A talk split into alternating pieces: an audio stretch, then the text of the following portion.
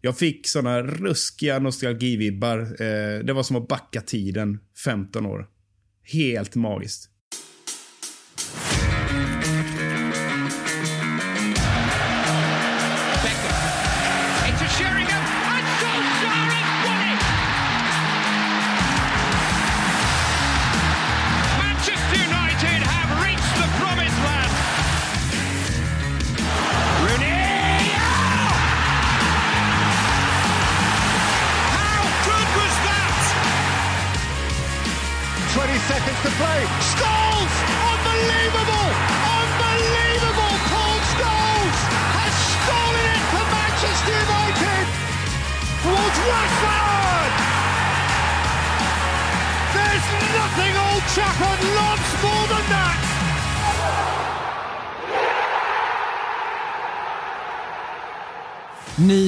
Känna er varmt välkomna till det så efterlängtade första avsnittet av United-podden. Podcasten som du inte visste att du längtade efter. United-podden görs i ett stolt samarbete med både den officiella supporterklubben MUS och United-redaktionen på Svenska fans. Då detta som bekant är premiäravsnittet passar det ju inte helt uselt med en kortare introduktion om vilka vi är och vad ni kan förvänta er av den här podden. Mitt namn är Adam Fröberg. Jag är journaliststudent och har drivit Musspodden special i två år innan detta. Det är den torra faktan. Men för att lättast beskriva mig skulle jag likställa mig med Darren Fletcher. Jag är inte särskilt bra på något, men helt okej okay på mycket. I podden är vi fyra deltagare, men ambitionen är att vara tre per avsnitt. I det första avsnittet kan jag stolt presentera MUS-skribenten som lättast likställs med Dimitar Berbatov. Arrogans och nonchalans i all ära, men här är det främst en ruskig känsla och touch som sticker ut. Förutom dessa egenskaper som jag inte tillåter dig att säga emot, vem är du egentligen, Marcus Mackan Eriksson? Jag är en 26 år gammal journalist från eh, Göteborg. Jag jobbar mest inom sport och eh, ja, älskar fotboll och Dimitar Berbatov. Vad är det som eh, gör att du älskar Berbatov så mycket? Nyss nämnda egenskaper, arrogans, skicklighet, eh, känsla, touch. Eh, han hade allting som jag vill se hos en fotbollsspelare. Hur många gånger har du sett hans mottagningar där bollen bara dör på foten? Oj, det vet jag inte. Säkert över 500 gånger alltså. ja, ni som inte har sett dem, vilket vore helt sjukt om ni inte har gjort, men om det är någon som inte har gjort det, sök upp Dimitar Berbatov First Touch så får ni något att gotta er i, i evigheter. Vi har en fantastisk herre från Svenska fans med oss också idag, Micke Martinsson. Du ville att vi skulle benämna dig som David Beckham. Motivera. jag ska säga att jag är raka motsatsen till dig Adam. Jag är bara bra på en sak, ruskigt vass högerfot. Sen eh, kanske lite mer radioversionen av David Beckhams utseende, men det, det är en annan femma. radioversionen av David Beckhams utseende? Får du utveckla. Ja, nej men eh, jag började ju hålla stenhårt på United i samband med att eh, Beckham gjorde entré i alla, alla våras hjärtan. Jag är så pass gammal, född tidigt 80 och eh, i alla fall på den tiden, jag vet inte hur det är med er, eh, så följde jag varenda frisyr som Beckham lade an. Det spelade ingen roll vad det var, så skulle det vara Beckham-friss. Så det var ganska enkelt att ta med sig en bild på den senaste eh, fotbollstidningen eh, till frisören och säga klipp mig så här. Men sen, sen om jag såg lika bra ut, det är en annan, en annan sak. kan vi lova i ett framtida avsnitt att vi gör en topplista med dina topp tre bästa bäckenfrisyrer? Eller kanske sämsta, det får du avgöra. Ja, det, det, är i stort sett en garanti att uh, vi har det som en cliffhanger. Hade du mohawken eller? Ja, faktiskt. Mm. En, en, riktigt rejäl med lite blonda toppar. Uff, och snaggen har du kört också gissar Jajamän, och den blonda snaggen. Fan, nu är vi nästan Underbar. inne på mina favoriter Underbar. och röjer. Aj, aj, aj, aj, nu trampar vi alldeles för nära topplistan som vi har brasklappat och lagt som en cliffhanger för. United-podden, Micke, vad är det för podcast egentligen? Ja, men det är ett uh, unikt samarbete som du var inne på mellan uh, MUS och Svenska fans. Och det känns ju riktigt jäkla kul som uh, Svenska fans representant i det här gänget med min kollega eh, som, inte, som inte är med idag. Eh, kommer slussas in här. Gustav Kulle, vår London-korrespondent. Eh, vi har ju delat eh, chefredaktörskap på Svenska fans United-sektion. Eh, men eh, ja, lite Lars Tommy-feeling, fast vi har inga träningsoveraller, det kan man väl säga. Så eh, det här samarbetet känns riktigt, riktigt spännande. Och, eller vad säger du, Marcus? Hur känns det att jobba med svenska fans? Jo, men det känns, det känns kul. Ehm, jag var ju på Svenska fans några år tillbaka och Eh, jag ska inte säga att jag har saknat det, men det är alltid kul att eh, ha er med någonstans i livet. Så eh, det kommer bli bra där. Ja, det känns tryggt. kan vi benämna det som att vi, vi båda har liksom vi, vi pratade om det innan, vi, vi har misslyckats på båda håll, därför slår vi oss samman för att eh, göra någonting riktigt, riktigt bra tillsammans. Ja, så kan man säga. Jag och Gustav erkänner ju att vi gjorde ett rejält magplask där med, med United-vodden som vi lanserade lite på prov här eh, för, under förra säsongen. Men vi, vi kände ju att folk ville inte se oss i bild så det känns rätt naturligt att gå över till podd. Mina förhoppningar är att den här podden ska bli något som blir någon form av en naturlig vardag för alla United-supportrar där ute. Det, det, är en ett högt eh, ställd liksom, förhoppning och eh, någonting som är få förunnat om man skulle lyckas ta sig dit. Men jag tycker vi ska sikta högt och försöka göra något riktigt, riktigt bra av det här. Och förhoppningsvis en dag i någon form av framtid så har det just blivit det. En podcast som United-supportrar får som en liksom, naturlig del av vardagen inför och efter matcher där de får höra precis allt om vår älskade klubb.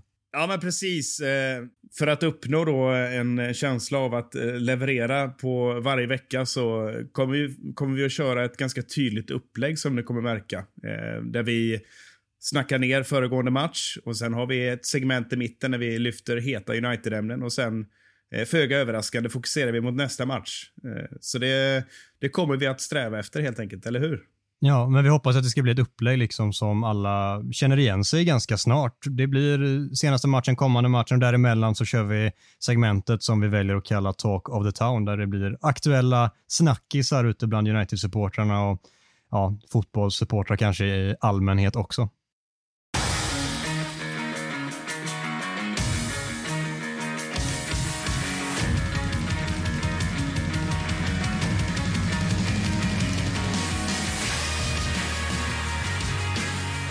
Då hoppar vi rätt in i den senaste matchen som när vi spelar in detta var igår kväll. Det är ett drygt dygn sedan United inte på något vis var dominanta hemma mot Villarreal i Champions Leagues första hemmamatch för säsongen.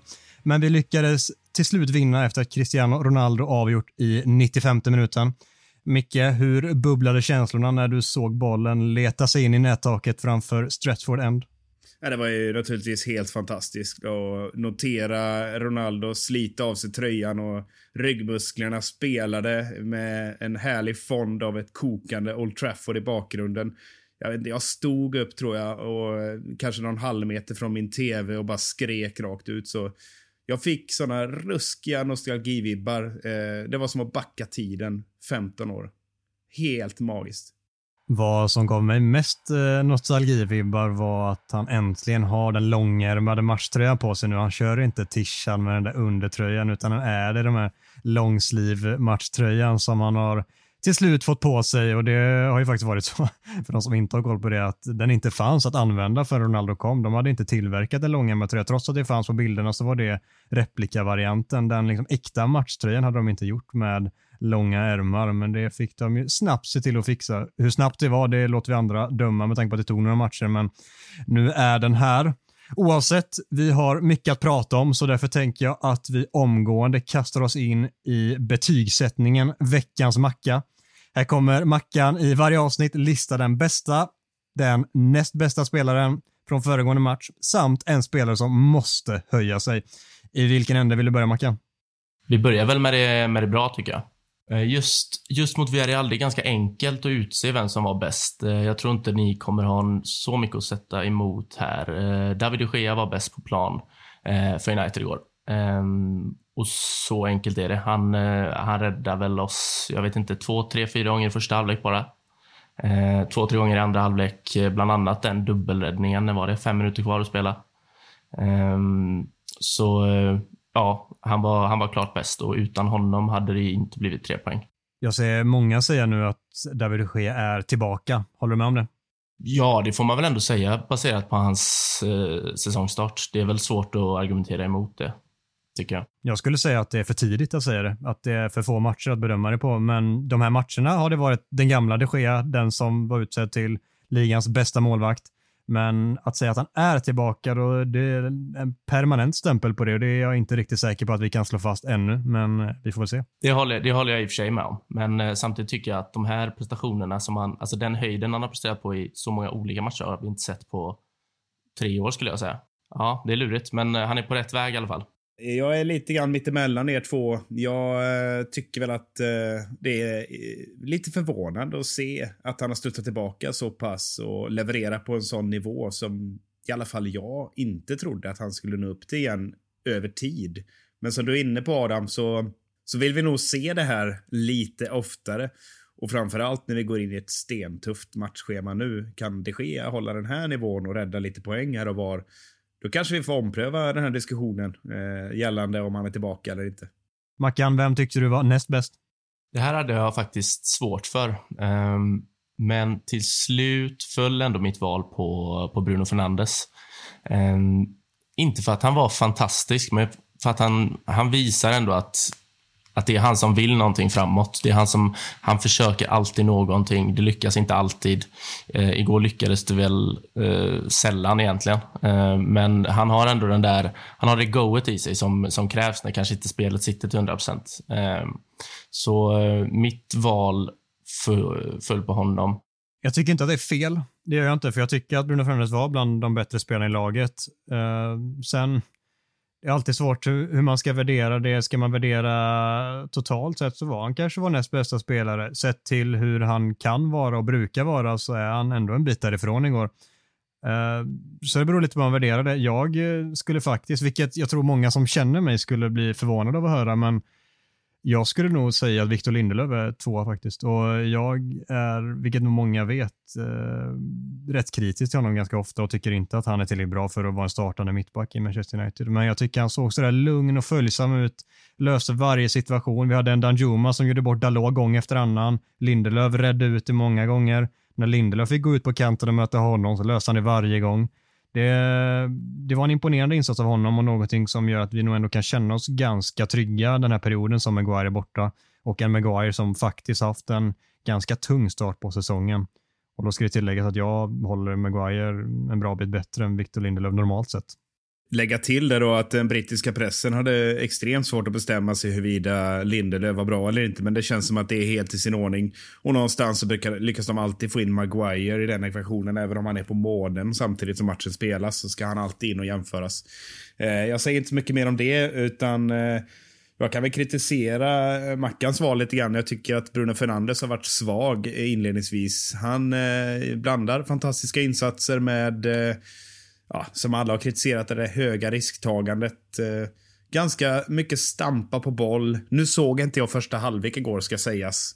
Märk väl att jag kom in i andra halvlek, men jag missade tydligen ingenting. Verkar det som. Men ja, jag tycker Bruno har, eh, han är inne i någon slags formsvacka. Eh, om man jämför med den här sinnessjuka toppen han haft egentligen sedan han kom då. Men ja, jag vet inte om jag håller med. I alla fall inte sett i andra halvlek. Mer åt Lindelöf i så fall.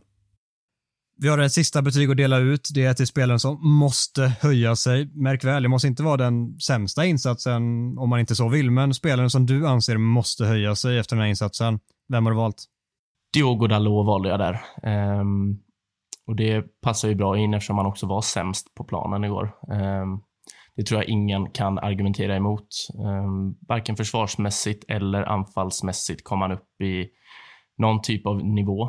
Um, han hjälpte inte Lindelöf bakåt eh, som fick ett jäkla jobb att försvara för två.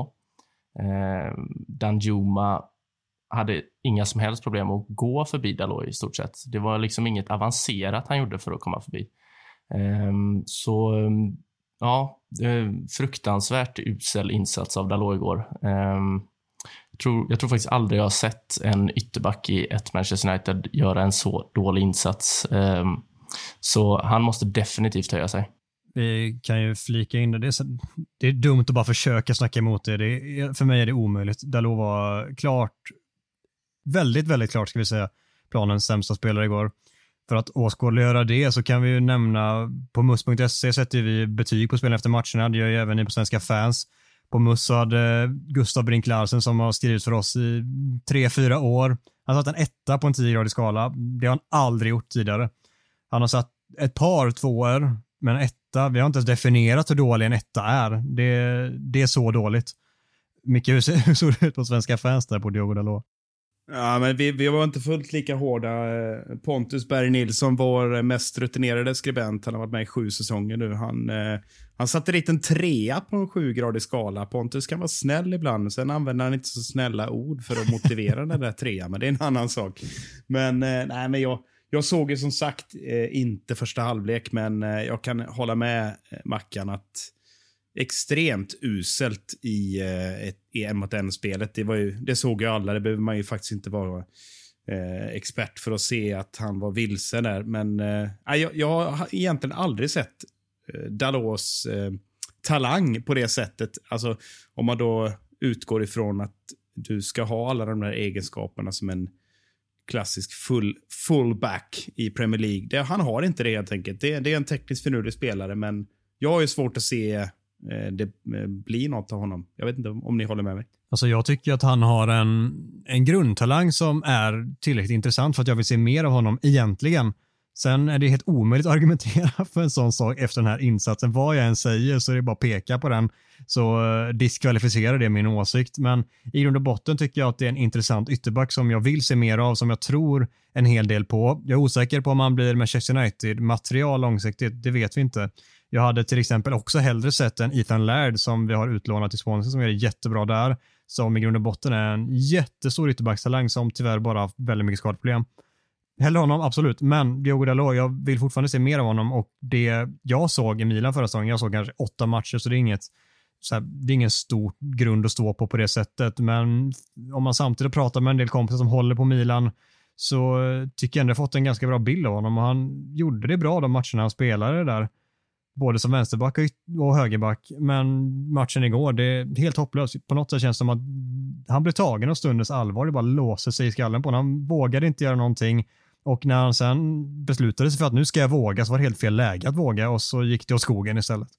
Så det var, det var beklämmande tråkigt att se och det var ju så att man satt med hjärtat i halsgropen varje gång bollen kom ut på den kanten. Ja, så var det, så var det verkligen. Um, sen ska sägas också att det, det var ju hård konkurrens. För det var inte många som var, som var vassa igår. Så eh, hade inte han varit så usel så hade den lika gärna kunnat falla på någon av de andra, ja, sju, åtta spelare i alla fall, uh, var, med i, var med i den kampen. Du är hård Macka. Ja, men det, det får man vara efter en sån insats tycker jag. Vi, vi ska prata mer om insatsen allas, ganska, ganska snart, men jag vill bara lyfta en sista grej innan vi går vidare. Jag tycker att detta tydliggör en hel del om ändå hur pass bra Aaron Wan-Bissaka faktiskt är. Så här, bara för att en spelare gör en dålig insats betyder inte att han är bra, jag vet, men jag tycker att han får lite väl mycket kritik, våran ordinarie högerback, och jag tycker det syns väldigt tydligt i en match när han inte är med.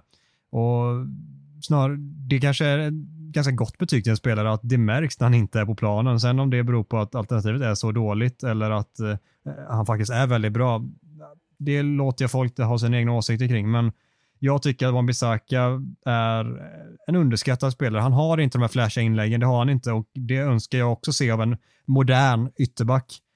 Men han har också benämningen försvarare och där är han väldigt, väldigt bra vilket jag tycker många gånger glöms bort när man pratar om ytterbackar. Det är också spelare som deras egentligen kanske grunduppgift är att vara bra på att försvara. Sen idag så precis som mittfältare måste man vara jättemycket mer komplett och kunna hantera offensiven mer och där önskar vi se mer av Wan-Bissaka.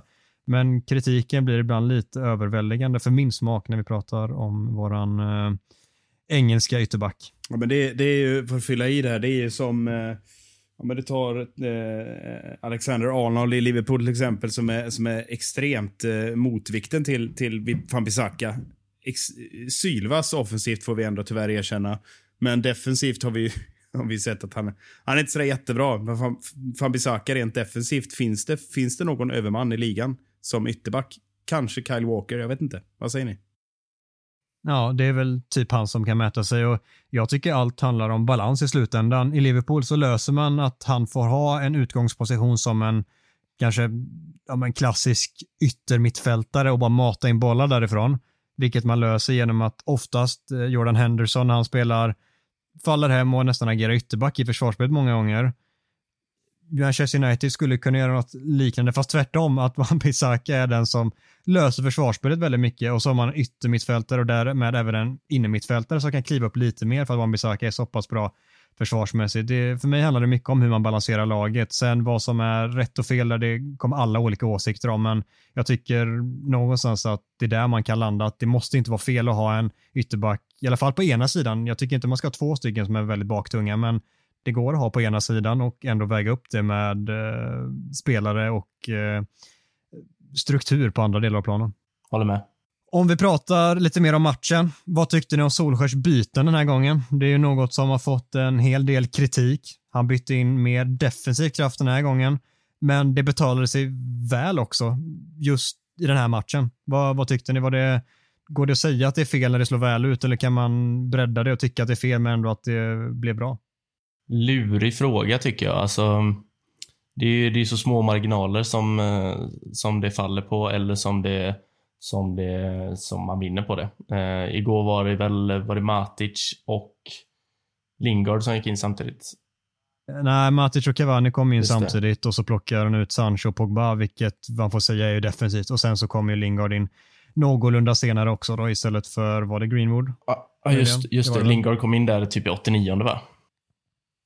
Ja, men ja, nära inpå mm. i alla fall. Nej, men eh, alltså när, när jag såg bytet att Sancho och Pogba går ut och Matic och Cavani kliver in. Det var inte så att jag fick ståpäls hemma. Men eh, samtidigt så jag kan gilla när han tar in, eh, jag, jag, kan gilla när han tar in Matic i slutet av matcher. Kanske, kanske inte för att det är just Matic, men för att eh, Alltså igår var det sånt hål på mittfältet och Matic är faktiskt, trots att han knappt kan springa längre, en, han är duktig på att täppa igen det hålet och han är duktig på att hitta passningar som McTominay, Fred. Eh, Pogba kan hitta dem, och han gillar dem lite svårare. Men han, han bryter linje Matic på ett annat sätt än vad Fred och McTominay gör. Eh, så jag är inte emot eh, bytet av Matic. Eh, sen är det väl lite fegt, men eh, nu har det slått väl ut två gånger med Matic in på slutet, så det går väl inte att kritisera kan jag inte tycka. Nej, som jag uppfattar så, så ville man ha mer kontroll i uppspelsfasen och där är ju Matic jävligt trygg. Han tar, intar ofta någon slags eh, trebackslinjeformation med, ihop med, med mittbackarna och driver upp bollen. Och han är ju ganska vårdad. När han får tid på sig så är han ju vårdad och fin med bollen. Och det var ju tydligt att ubåten backar hem. Liksom. Eh, så, så det tycker jag egentligen helt i sin ordning. Sen vad Pogba tyckte om bytet, det, det tror jag de flesta såg. Men Sen, sen tror jag att man, man kan inte alltid bara sitta och skrika, eh, om man ska kritisera en del utav, utav våra fanskollegor, sitta och skrika efter namn och det ska vara de allra bästa offensiva namnen in hela tiden. Ibland så görs ju byten som inte alla ser och förstår, det är av taktiska skäl. Och i det här fallet så, så tolkade jag Matic-bytet på, precis på så vis. Man ville ta kontroll, bollen på bakplan eh, och spela med lite, mer, eh, lite mindre risk helt enkelt. Eh, och Cavani-bytet är ju helt i sin ordning. Det är väl ingen som protesterar. Så det, är väl, det kontroversiella är att Pogba får lufsa ut. Det är väl det som eh, man kan säga, tycker jag. Vi fick ju se vår absolut favoritsekvens när Cavani vattnade håret, slängde bak det ja. och sprang ut på planen. Det, det är svårt att inte få, som Marcus benämnde det, ståpäls då. Ja, helt magiskt. Ett, ett, ett, eh, ett, ett makalöst mantra han kör där inför varje inhopp. Ja, det kommer vara saknat den dagen han uh, tvingas lämna oss eller kanske väljer det själv, vem vet. Oavsett, vi eh, har lite mer pratat om matchen tycker jag. Jag har en åsikt som jag inte vet om alla håller med om, men det ska bli intressant att höra vad ni tycker, framförallt mina expertkollegor. Cristiano Ronaldo, han avgör matcher frekvent, men i spelet så är han ingen vidare alltså. Jag tycker verkligen inte det och det är någonting vi har sett i ett par år nu. Och jag vill egentligen lyfta frågan, tycker ni att så lite som han bidrar i själva spelet, att det ändå är värt det med tanke på hur viktiga mål han gör? Alltså, jag är så kluven till det där. Eh, jag tycker ju att han, alltså jag tar det steget längre, jag tycker att han är dålig utanför straffområdet. Och då menar jag, alltså, han bidrar inte med någonting utanför straffområdet. Um, och det kanske är hårt. Men när han Defensiva fasta, annars ingenting. Ja, där, där, är han, där får man ge där, där är han bra. Men det är också ett straffområde, så vi räknar med det där. Sant. Eh, Nej, men när, han, när han får bollen vid fötterna så det händer ingenting och det är oftast så här lite, det, det ser nästan lite klumpigt ut. Eh, och det är man inte van, alltså han har blivit en annan spelare men jag är inte van vid att se han så pass lam utan straffområdet. Så eh, får han vara i straffområdet och centralt och spela på en touch eh, och hålla sig där inne, då, då är det värt det. Men ska han ut och härja och upp, alltså, ta upp någon annans position, då, då alltså, det är svårt att argumentera för att då ska, då, då ska han inte, han ska inte ut på vänsterkanten, han ska inte ut på högerkanten, han ska hålla sig centralt. Um, men uh, samtidigt så är han ju en världens bästa världens bästa eh, på att avgöra matcher, så i slutändan är det väl ändå värt det. Men uh, ja, det är lurigt. Jag är jäkligt kluven alltså. Jag kan ju tycka att jag älskar att se när spelare anpassa sig till en ny tid och nya förutsättningar. Ronaldo kan man, jag tycker man kan lägga till eh, i samma kategori som eh, Zlatan Ibrahimovic som, som har förstått sina begränsningar. Tyvärr rätt mycket skadad nu för övrigt, men eh, han har ju utvecklat en helt ny spelstil som har genererat betydligt fler mål. Ronaldo har alltid gjort mycket mål, förutom kanske i början på karriären, men jag gillar att han anpassar sig och gör det han är riktigt bra på. Korta, små, explosiva löpningar och eh, befinner sig på rätt eh, plats vid rätt tidpunkt. Samma sak med Cavani. Eh, inte alls, han är lite mer mobil såklart, större löpstyrka, men inte riktigt den där hysteriska pressspelaren som han var i, innan han spelade i Napoli och så vidare. Men, men eh, jag gillar att se det, kanske en, eh, gå ännu längre tillbaka till Henrik Larsson, en spelare som lyckades spela väldigt länge på hög nivå tack vare sin, sin eh, eh, förmåga att skola om sig och anpassa sig till sin omgivning. Så att jag skulle säga väldigt lång utläggning på, på din fråga, men jag skulle säga att ja, det är värt det så länge han gör mål. Slutar Ronaldo göra mål, ja, då blir det ju tufft att ta en plats i, i det här laget. Det som jag stör mig så mycket på och är orolig för är just det du säger, att han inte gör tillräckligt många mål för att det ska vara värt det. För vi tappar väldigt mycket i pressspelet. Vi tappar väldigt mycket i uppspelsfasen. För det som Marcus säger, jättemånga gånger när han får bollen på fötterna så blir han av med den. Och det är väldigt svårt att utveckla ett anfallsspel då, om det hela tiden blir att man får vända om och jaga boll varje gång man sätter upp den på sin anfallare. Men eh, lyckas man komma runt det och hitta en väg runt där han inte behöver vara lika involverad i speluppbyggnaden, man kan hitta andra vägar, det är upp till tränaren att lösa också. Absolut värt det såklart, alltså en spelare som kan lita blint på kommer avgöra jättemånga matcher. Det, det kanske är det absolut mest svårköpta i hela världsfotbollen och den, den talangen som är omöjlig att träna fram egentligen, utan det är några ytterst, ytterst få som har den egenskapen och den ska man ju såklart värna om också.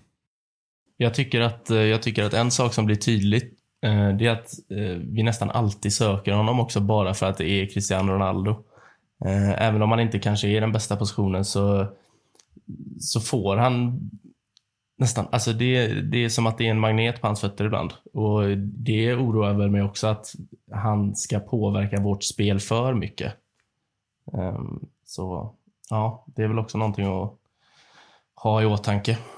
Ja, jag har också lagt märke till det och jag tänker kanske för att jag vill tro det också att det kommer på något sätt lägga sig just den biten för att de blir vana att spela med Cristiano Ronaldo. I början var det så, det märktes ju på alla, det går inte att sticka under sol. Alla tyckte det var jättehäftigt att han kom in till klubben, till laget och eh, jättemånga som ser upp till honom eh, oavsett ålder nästan. Då blir det väl så naturligt kanske i början, men att det avtar när man på något sätt blir mer lagkompis och det släpper kanske. Vi, vi får väl hoppas det för lagets skull, att det, att det går mer åt det hållet. Micke, avslutningsvis, hur viktig var den här trean i 95 minuten?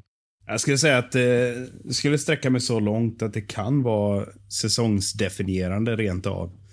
Hade vi kryssat där och gått in i gruppspelsomgång tre med en poäng jag tror, är det rätta med om jag har fel, dubbelmöte Atalanta som väntar. Stämmer.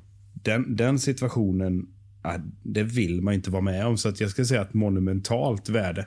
Ja, det är svårt att snacka bort. Och Micke, vi måste sätta dig också i, i heta stolen här lite snabbt. Varför såg du inte första halvlek? Vad är det frågan om?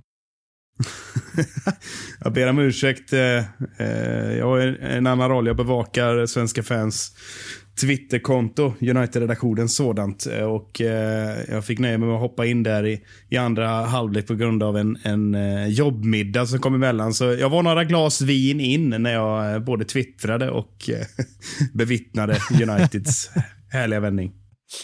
Kan vara trevligt det också. Jo.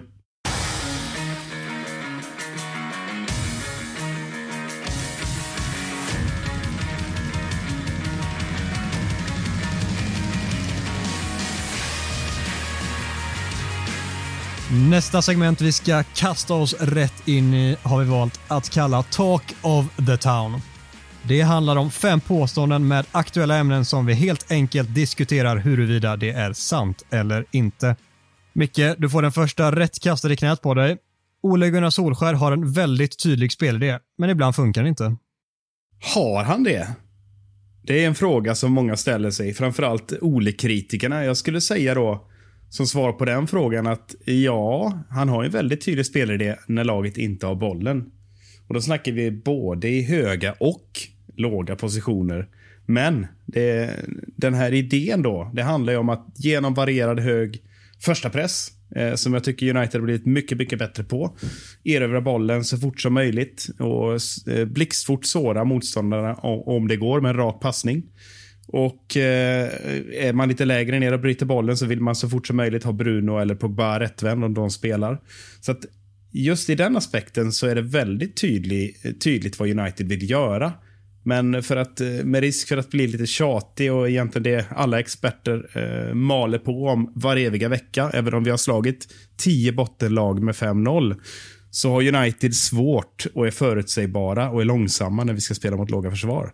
Och då eh, kan jag väl tycka att eh, taktiken inte riktigt sitter där, utan då är vi igen eh, lite dagens eko kvart i fem, beroende av individuell briljans. Och eh, det är tydligt. Men frågan är, kan man ha en spelidé till allting, till alla situationer? Så jag vet inte vad jag tycker. Vad tycker du, Mackan?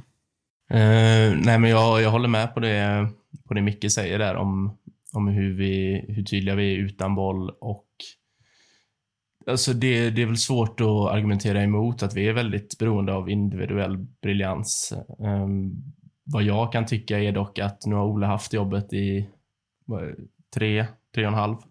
Jag tycker att man borde kunna se alltså, tydliga mönster på vad vi vill åstadkomma offensivt. Eh, och där tycker jag att vi, där kan vi inte jämföra oss med våra konkurrenter. Ehm, och jag förstår helt och hållet kritiken som Ole får. Eh, sen kan jag tycka att den den kan gå överstyr ibland. Ehm, men ehm, ja, han måste ha kunnat sätta någon tydligare grundidé, eh, bygga mönster när, när vi ska bryta ner låga försvar och det har han inte gjort än. Och det ska han få kritik för. Så han har nog en tydlig spelidé. Eh, men den är inte tillräckligt bra.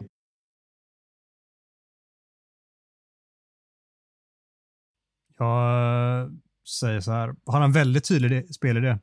Nej. Har han en tydlig spelidé? Ja. Har han en spelidé? Ja, det har han. Och det är många som säger att Ole Gunnar Solskjaer har ingen spelidé. Det har han, men jag är inne på som dig Marcus, att den är inte tillräckligt bra bara. Det är defensivt tydligt vad han vill åstadkomma. Det blir lite annorlunda i år med Ronaldo där framme som inte är den pressspelaren på det sättet som vi har använt oss av eh, till exempel förra säsongen, vilket periodvis var ganska framgångsrikt. Men jag tycker det är mycket tydligare hur vi ska agera defensivt än offensivt. Offensivt är det många gånger, ja, trycka upp ytterbackarna, absolut, framförallt vänsterkanten där Luxor ska hitta in mycket. Det, det är tydligt att vi jobbar på det viset.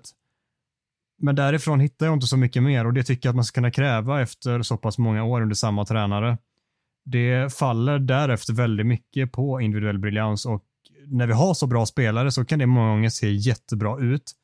Men de gångerna de spelarna kanske inte har sin bästa dag, då måste det enligt mig finnas en form av struktur som man kan falla tillbaka på, som kan hjälpa en de gångerna det inte riktigt funkar, vilket jag upplever att de klubbarna vi någonstans ska mäta oss med som vi vill vara bättre än i till exempel i ligan i Chelsea, Liverpool City framför allt. Deras tränare, det är erkänt bättre tränare än Solskär. Det, det är dumt att säga någonting annat. Men det märks också i just den detaljen tycker jag att de har inte lika stora toppar och dalar i sitt spel utan när de, deras bästa spelare inte är på sin topp så hittar de sätt att vinna matcher och det är oftast genom om en spelidé där de maler igenom. De har en tydlig struktur där alla vet vad de ska göra och jag tycker det oftast kanske framförallt tydliggörs också när de tvingas rotera mycket, vilket när vi gör det blir katastrof. Vi såg det mot West Ham hemma i ligacupen. Det är ett bra lag som ställs ut, men det funkar inget. inte. Det är få som vet vad de ska göra när de är där ute. De kastas ut tillsammans, bra fotbollsspelare, men har inte riktigt den vägledningen som jag många gånger eftersträvar. Och det handlar väl jättemycket så här, vad man, hur man ser på fotboll och hur man ser att fotboll ska spelas. Men här står jag personligen och jag tycker att det krävs mer från där, i den biten än vad vi har sett och därför är jag väldigt orolig för hur pass långt Solskär kan ta det här laget. För att sammanfatta påståendet, Ole Gunnar Solskär har en väldigt tydlig spelidé, men ibland funkar den inte. Micke, du måste säga ja eller nej. Vad blir ditt svar? Svaret är ja. Mackan? Nej. Och jag säger också nej. Nästa påstående skickar vi till dig Mackan. Det här laget är tillräckligt bra för att vinna ligan utan en ny central defensiv mittfältare. Det är, det är något jag har tänkt eh, väldigt mycket på sen, eh, ja egentligen sen början av sommaren. Eh, jag landar i att vi inte är tillräckligt bra utan en etablerad defensiv mittfältare. Ehm, och det landar jag i på grund av att våra konkurrenters mittfält ser bra mycket starkare ut än vårat. Ehm, Fabinho är en, Fernandinho är en annan, Rodri är en annan, Kanté är en annan, Jorginho är en annan. Ehm, så jag landar i att vi inte, vi har inte den bredden, vi har inte den spetsen som krävs för att, eh, för att vinna en Premier League-titel på det mittfältet. Jag tror att det blir avgörande. Det korta svaret ja, skulle jag säga. Och Då skulle vi vilja ha en bredare kontext. I fjol var vi tvåa, 12 poäng bakom eh, grannen. Eh, och adderar man våra nyförvärv in i den ekvationen så ser det inte som en utopi. Alltså bredden på offensivt mittfält och anfallet tycker jag är bäst i ligan. Eh, däremot, som Mackan är inne på, alternativen på centralt defensivt mittfält eh, är ju klart sämre om du ser till ett allround-perspektiv hos de spelarna du nämner. Men jag skulle ändå vilja påstå om, om vi då eh, tittar tillbaka på det vi pratade om alldeles nyss, nämligen spelidén eh, som rena bollvinnare så skulle jag säga att vi håller precis samma klass. Men problemet är ju eh, att när det förväntas att styra spel och, och Paul Scholes-rollen eh, ska fyllas, ja, men då, då, då är vi svaga. Men jag tycker ändå vi, vi, vi ska vara där uppe och hota ändå. Jag skulle säga att det här laget är tillräckligt bra för att vinna ligan utan en ny central defensiv mittfältare. Om inte konkurrenterna heter dagens Manchester City, dagens Liverpool och dagens Chelsea. Men det vill jag ha sagt att när Leicester vann ligan, det här laget hade vunnit Premier League det året. Och vi har något år därefter också när City vann tidigt där nära in på efteråt så det var ingen jättebra kvalitet på ligan i, i ett par år där. Det har uppat sig ordentligt de senaste säsongerna. Så här och nu, kanske med världens bästa tränare, liksom, kanske att det går att jobba runt, men nej, jag, här och nu, det går in, nog inte, men generellt ja. Sammanfatta den kort. Micke, är det tillräckligt bra att vinna utan en ny defensiv mittfältare? Ja. Mackan? Nej. Och jag säger ja. Vi kör nästa. Den skickar vi rakt på Micke. Bruno Fernandes gjorde inte fel som bad om ursäkt för straffmissen mot Aston Villa. Uniteds sociala medier bör snarare få skit som gör en grej av det. Ja, det här har jag faktiskt suttit och stört mig på väldigt, väldigt länge. Jag tror ni kommer hålla med mig på den punkten. Först och främst, om vi backar bandet till till den aktuella frågeställningen. Eh, Bruno är ju rollen som, ja just nu, tillförordnad lagkapten. Självklart ett ansikte utåt. Han aspirerar på, på den rollen och det är tydligt att han känner ett stort ansvar och vill ta ett stort ansvar. Så naturligtvis så är det inget konstigt att han ber om ursäkt. Men eh, då ska vi ha klart för oss att han har missat två av 23 straffar. Det är inte jättemånga som har det facit. Så sett. Men tittar du på den andra aspekten, så, kan, så som jag, för att komma tillbaka till det jag är riktigt irriterad på, så har ju den här sociala medier-charaden, som jag väljer att kalla den, gått alldeles för långt. Alltså de här enorma PR-maskinerna som spottar ur sig plattityder mest hela tiden. Bounce back again, bla bla bla. De här, eh, det, det sitter någon och trycker på enter eh, 23 sekunder efter, efter slutsignalen. Hatar bounce back again. Den borde förbjudas den Det är så meningen. irriterat och allt är så uppenbart spökskrivet. Eh, ingen ska bli kränkt, allt ska lindas in i en massa rosa fluff. Så frågan är, vad är detta bra i slutändan om man ska fortsätta på den här eh, oändlösa tramset? Som eh, jag läste en, en artikel som Patrik Bränning skrev, eh, Sportbladets eh, krönikör, och som han är inne på det att skapa perfekta människor som inte kan göra fel.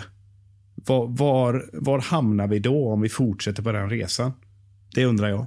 Jag är, jag är som, som, båda, som båda ni är inne på otroligt trött på de här. Eh, Micke har kallat dem att det är ryska bottar som sitter och spottar ut sig de här Instagram-inläggen. Eh, didn't go as we planned, we go again, bounce back. Eh, jag, jag tycker att det blir för mycket och jag tycker att eh, jag tycker generellt att Manchester Uniteds sociala medier-avdelning är under all kritik. Eh, vad gjorde vi? Presenterade vi Cristiano Ronaldo varann 312 gånger på tre dagar? Det är nog till och med underdrift. Alltså. Det var något i hästväg. Ja. Ehm, så um, jag vet inte, det är lurigt alltså. Um, gjorde han fel som bad om ursäkt? Nej, det gjorde han väl inte. Ehm, jag såg att Gary Neville eh, var inne på att lägga ut en video då, ett kort videomeddelande liksom, så att det blir lite... Så, att det känns mer äkta kanske. Eh, det är väl en grej, men... Jag vet inte. Eh, han gjorde nog inte fel, men det har ju blivit en grej av det och det borde det inte ha blivit. Nej, nej. Jag, jag tycker inte att Bruno Fernandes gör fel som ber om ursäkt. Jag tycker absolut inte att han behöver be om ursäkt. Men vill han göra det, fair enough. Sen, jag kan störa mig lite på det, kommentera alla lagkamrater som, jag tror Kyle Walker gjorde sig lite lust över det, vilket han har en poäng i också. Det är liksom lagkamrater som sitter bredvid honom i omklädningsrummet och sitter och kommenterar liksom hjärtan och uh, vi stöttar dig och knogar liksom så fist bumps liksom. Det är så här.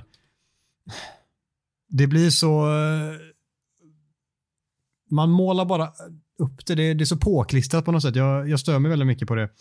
Det kan inte bara få stanna vid att han så här vill be om ursäkt kanske till fansen. Sorry, jag borde gjort bättre. Jag borde ha satt straffen. Och vill han göra det så får han det så stannar det där. Men istället ska alla spelarna komma, vilket i sig är störigt. Men sen så kommer den största ultratönten av alla och det är United sociala medieansvarig slash svarig A. Som ska göra det till en jättestor grej och liksom göra det till att vi är United och allt vad de gäller, gillar att måla upp det som. De lyfter ju upp detta och gör det till en så stor grej som det inte ska behöva vara. Och eh, ni har varit inne på det. Jag är precis som Mackan jättetrött på United sociala medier. Och egentligen är jag jättetrött på United generellt på den här delen av verksamheten. Med både sociala medier och med deras app som de ständigt håller på med att länka till och krångla med. Och det som du säger, de, de presenterar spelare 200 miljoner gånger. Det, ja, jag vet inte riktigt. Samtidigt så, så här, de har väl gjort någon analys där de märker att majoriteten, eller snarare tillräckligt många supportrar är den typen av supportrar som detta faller i smaken. Som det, det ger liksom tillräckligt mycket för att de ska fortsätta göra så här. Vi är väl troligen en minoritet som stör oss på det jämfört med de som på något sätt faller för det. Ja, jag, jag har inte sett en enda person på Twitter som skriver bara åh tack. Tack för att ni tryckte ut den tweeten en gång till. Jag kan inte förstå hur man tänker så. Skriver någon Alltså, det- någonsin, någonsin så då? Tack för den här Va? tweeten. Nej, nej, men du fattar vad jag menar. Att, att du känner liksom så här, oh shit, jag måste retweeta, shit, mina fingrar bara skakar, tack, Ja, tack. det här är bra. Ja, det är svårt att hitta det genuina någonstans. Och det, det är ju det som vi sitter och, och far efter, det uppfattar jag. Att man vill ju ha det där äkta och det finns ju inte kvar längre. Roy Keane spelar inte Manchester United. Det får inte, det får inte världens bästa pratminus. Utan allt ska vara så jävla tillrättalagt. Och ett tillägg till, till det vi har redan varit inne på nu då, men kan det vara så, ni som är journalister, jag är inte journalist, jag är bara en eh, hobbyjournalist, jag är inte utbildad.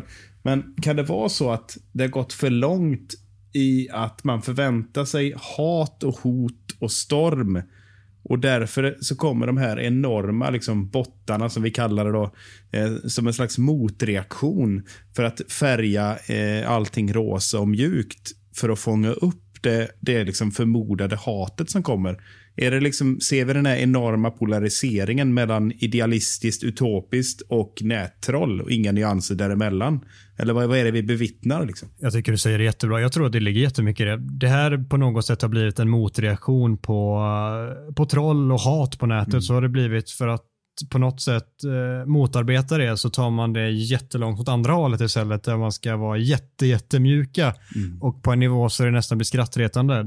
Och det, det är tråkigt att det ska behöva gå så långt för precis som jag upplever att det mesta i livet är så är det sällan svart eller vitt. Det är oftast en gråzon däremellan men det, det blir alltid istället att man landar i det svarta och det vita och det är det som får mest uppmärksamhet och det är det vi landar i här också.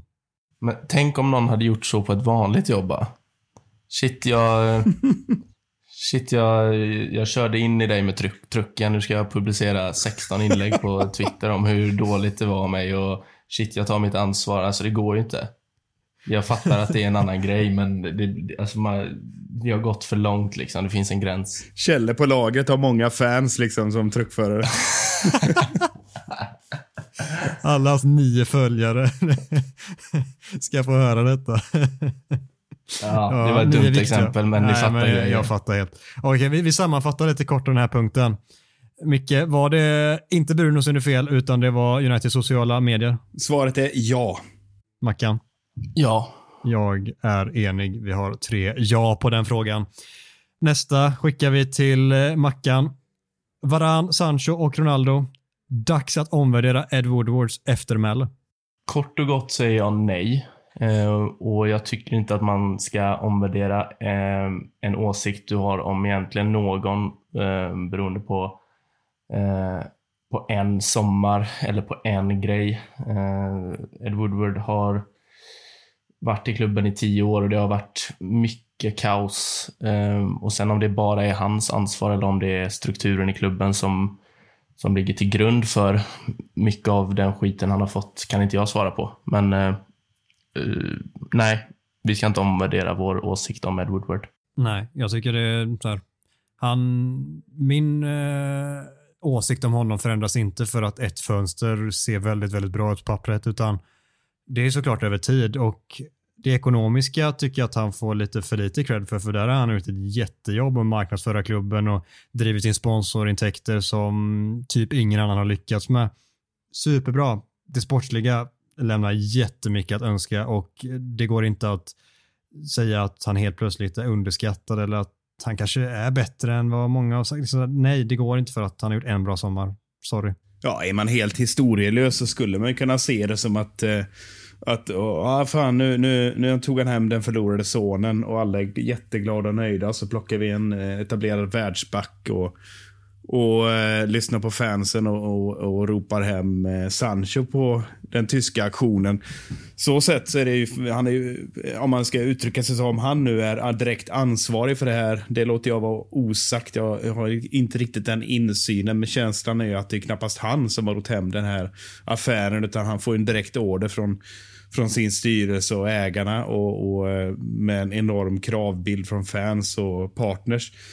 Så nej, jag håller med. Det, jag har ju svårt att se att, att man kan omvärdera eh, de här tio åren med ett transferfönster. Så att jag är rätt överens med er faktiskt, måste jag säga. Samtidigt har vi också gjort om hela vår rekryteringssystem genom att plocka in en football director, heter väl rollen, och eh, uh, i John Murtog. Kan det vara så att det är han som har gjort väldigt mycket grundarbete här som gör att kanske Woodward inte ska ha mycket eller kan det vara så att Woodward ska ha cred för att han har varit med och anställt honom? Så svårt att veta vad, vilket håll man ska ja. välja men det går att landa i, som jag tycker att vi alla verkar faktiskt göra, att det går inte att omvärdera Ed Woodward på grund av en sommar. Håller ni med att det, det är där vi landar? Ja. Ja. Vi kör en sista som vi kastar rätt på dig Micke. De Gea lyfter och Henderson lämnar.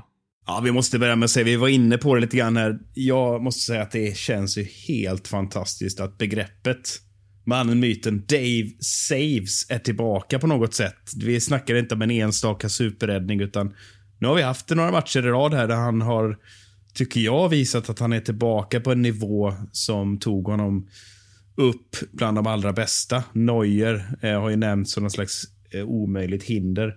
Men Solskär går ju ut nu och svingar, eller om det var Solskär eller om det var de ryska bottarna, det är oklart. Men och menar, menar att han är världens bästa målvakt. Och det, det, det, skulle jag väl inte vilja sträcka mig till. Men, men när han når den nivån så, eh, så är ju Henderson en bra bit bak skulle jag säga. Men som backup eh, och som målvaktsduo så är det ju inget annat lag i Premier League som kan mäta sig med, med det. Och släng på Heaton dessutom.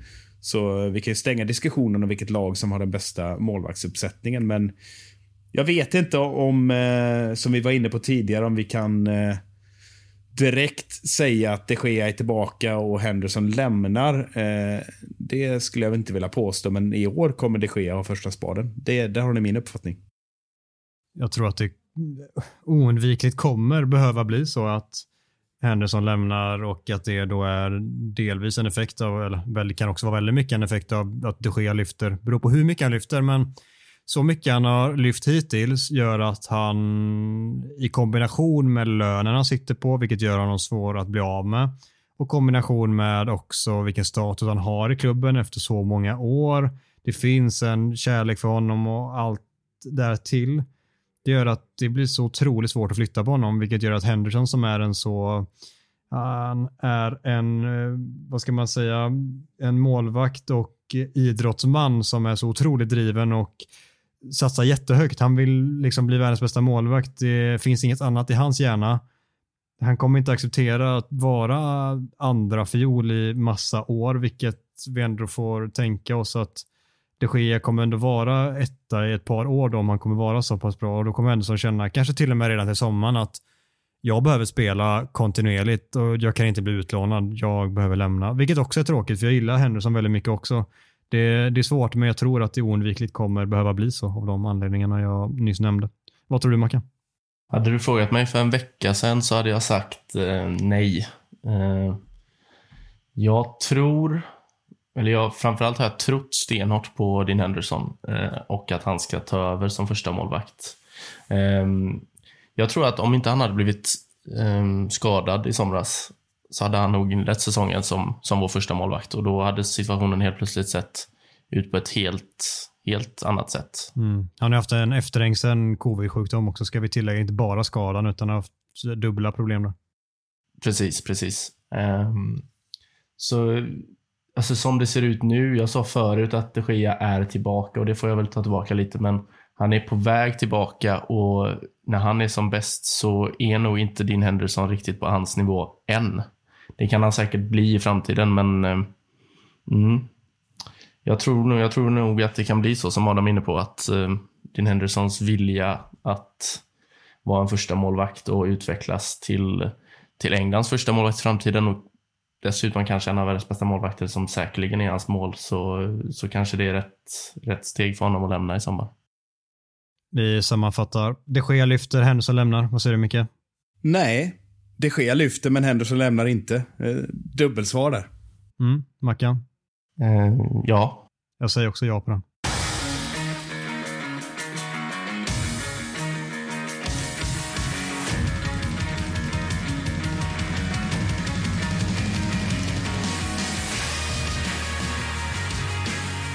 På lördag klockan 13.30 tar vi emot Everton på Old Trafford med en tuff CL-match i benen. Vad tror du att vi kan förvänta oss för lag här, Mackan? Åh oh, jäklar. Shit. Och jag vill inte att du går igenom hela elvan här, men vad, vad liksom, hur värderar Solskär? Kommer han bara köra liksom bästa elvan eller behöver han rotera? Nej, han kommer köra bästa elvan. Det är väl landslagsuppehåll efter det här, va? Mm, det är det. Mm, det blir bästa elvan. Eh, sen vad som är vår bästa elva, det kan man ju argumentera om i tre dygn. Men eh, jag tror att vi får se en ganska liknande elva som i onsdags. Eh, skillnaden är att jag tror inte att Sancho kommer få starta. Och eh, Dalot kommer inte starta.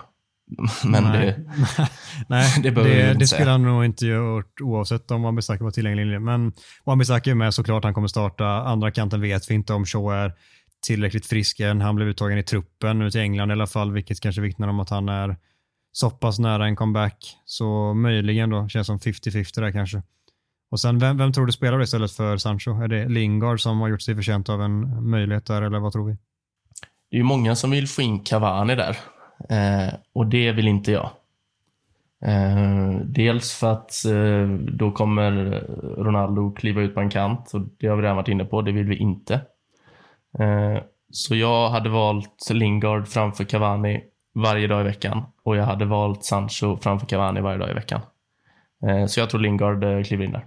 Vad, vad tror du Micke? Kan det bli så att Pogba kliver ut på kanten och att vi får se typ McFred eller tror du att eh, han kör vidare på något liknande som han körde mot Villarreal? Jag skulle tro precis det du sa. Eh, Pogba kliver upp på vänsterkanten med Backfred på mitten och sen Sen har ju Greenwood fått, fått chansen eh, varje match. Eh, det kanske är dags för han att inleda på bänken. Eh, jag har en liten, en liten feeling för att han låter honom vila. Men han är väl som vanligt inte uttagen i landslaget så det kanske talar emot. Eh, men eh, jag tror inte på några jätteöverraskningar. Han har, ju- han har ju visat vilket, vilket lag han vill ha här egentligen. Och sen var det kul att se Glömde vi nämna äh, Tellis eller Telles eller vad, eh, vad vi nu ska kalla honom. Fantastiskt mål och eh, det är precis kanske det som be, han behövde för att, att känna sig tryggare i United. Även om insatsen i övrigt inte, inte var världsnivå så, så är inte jag lika orolig om inte Shaw kan starta. Mackan, Everton saknar både Calvert Lewin och Richarlison till den här matchen. Hur stora tapp är det? Superstora. Det är väl eh, deras två bästa spelare skulle jag väl säga. Eh, offensivt i alla fall. Eh, så det, det blir ju en helt annan... Är det Rondon som kliver in istället för Calvert Lewin då? Va? det var ju så senast så det lär bli så igen tänker jag. Ja, sen, sen har de ju... Jag har nog aldrig blivit så chockad av att se Andros Townsend vara bra. Det trodde man ju inte när han klev till Everton. Eh, att säga att jag är orolig för Townsend det är ju, det är ju ett sjukt påstående, men eh, man, man är lite, alltså spelare hittar ju sådana formtoppar och då är de, då är de farliga. Så eh, det är stora avbräck, men jag tror, jag tror att de kan bli ganska farliga i offensiven ändå, faktiskt. Jag tycker ju att Demarai Gray har sett väldigt bra ut i början av säsongen, vilket kanske är den spelare som skrämmer mig mest inför matchen. Tillsammans med att vi vet att Rondon kommer söka upp Lindelöf i varenda liksom, situation där han får möjlighet till att göra det på en längre boll. Och då blir det spännande att se hur han handskas med det eh, den här gången, för det har funnits lite väl många exempel i tidigare säsonger där inte han har lyckats hantera det tillräckligt bra. Ja, jag, Mm. jag tycker Rondon såg lite otränad ut eh, när han hoppade in senast. Såg lite småfet ut. Jag vet inte om jag är så orolig för just honom. Men, men Andros Townsend är ändå, ändå eh, det är en skräll. Man har ju vant sig vid det här scenariot. Townsend kommer in från kanten och skjuter ett mediokert skott u- 15 meter utanför. Liksom. Det var min sinnebild av honom tidigare. Men han har fått en kanonstart på säsongen. Får förtroende och, och liksom kontinuitet och spel. Tar straffar och såklart att det, det saknas gubbar eh, och att han kommer upp en bit i hackordningen. Men jag skulle säga, som du säger, Gray och Townsend, de, de får vi se upp med. Det, Townsend har, har en tendens att vara riktigt bra mot, mot ju bättre motståndare möter. Så det är inte, inte Richarlison och, och eh, Calvert Lewin. De är sköna att slippa, men Everton eh, ser ändå rätt stabila ut. Så det är ingen lätt match vi går in mot här. Mittfältskampen alltså mot Ducoré och Allan, den, eh, den är tuff. Det är två riktigt bra mittfältare. Sen, eh, alltså, ja, som vi säger väldigt många gånger annars, att vårt lag är tillräckligt bra för att vinna ändå. Men mittfältskampen är alltid avgörande och vi vet ju vårt mittfält tenderar att agera många gånger. Så det, det är alltid oroligt och särskilt när det är så pass bra kvalitet också på andra sidan. Mm. Underskattat mittfält skulle jag säga. Ja, verkligen. Ducoré tycker jag framförallt är väldigt underskattat. Allan har ändå fått en del liksom, hype, särskilt efter Napoli-tiden och sådär. Men Ducoré får oförtjänt eh, lite beröm. Eh, jobbig jävel att möta och det minns vi senast när vi mötte dem på Old Trafford när de kvitterade sent 3-3 och Ducoré gjorde väl ett av målen också. Vi eh, slipper ju James Rodriguez som har eh, stuckit till Saudi eller vad han nu gick. Men eh, det, det finns en del spelare att akta sig för trots att han saknar både Calvert Lewin och Richarlison som, ju, som Marcus ser här. Deras två bästa spelare. Micke, hur många mål gör Mason Greenwood i matchen?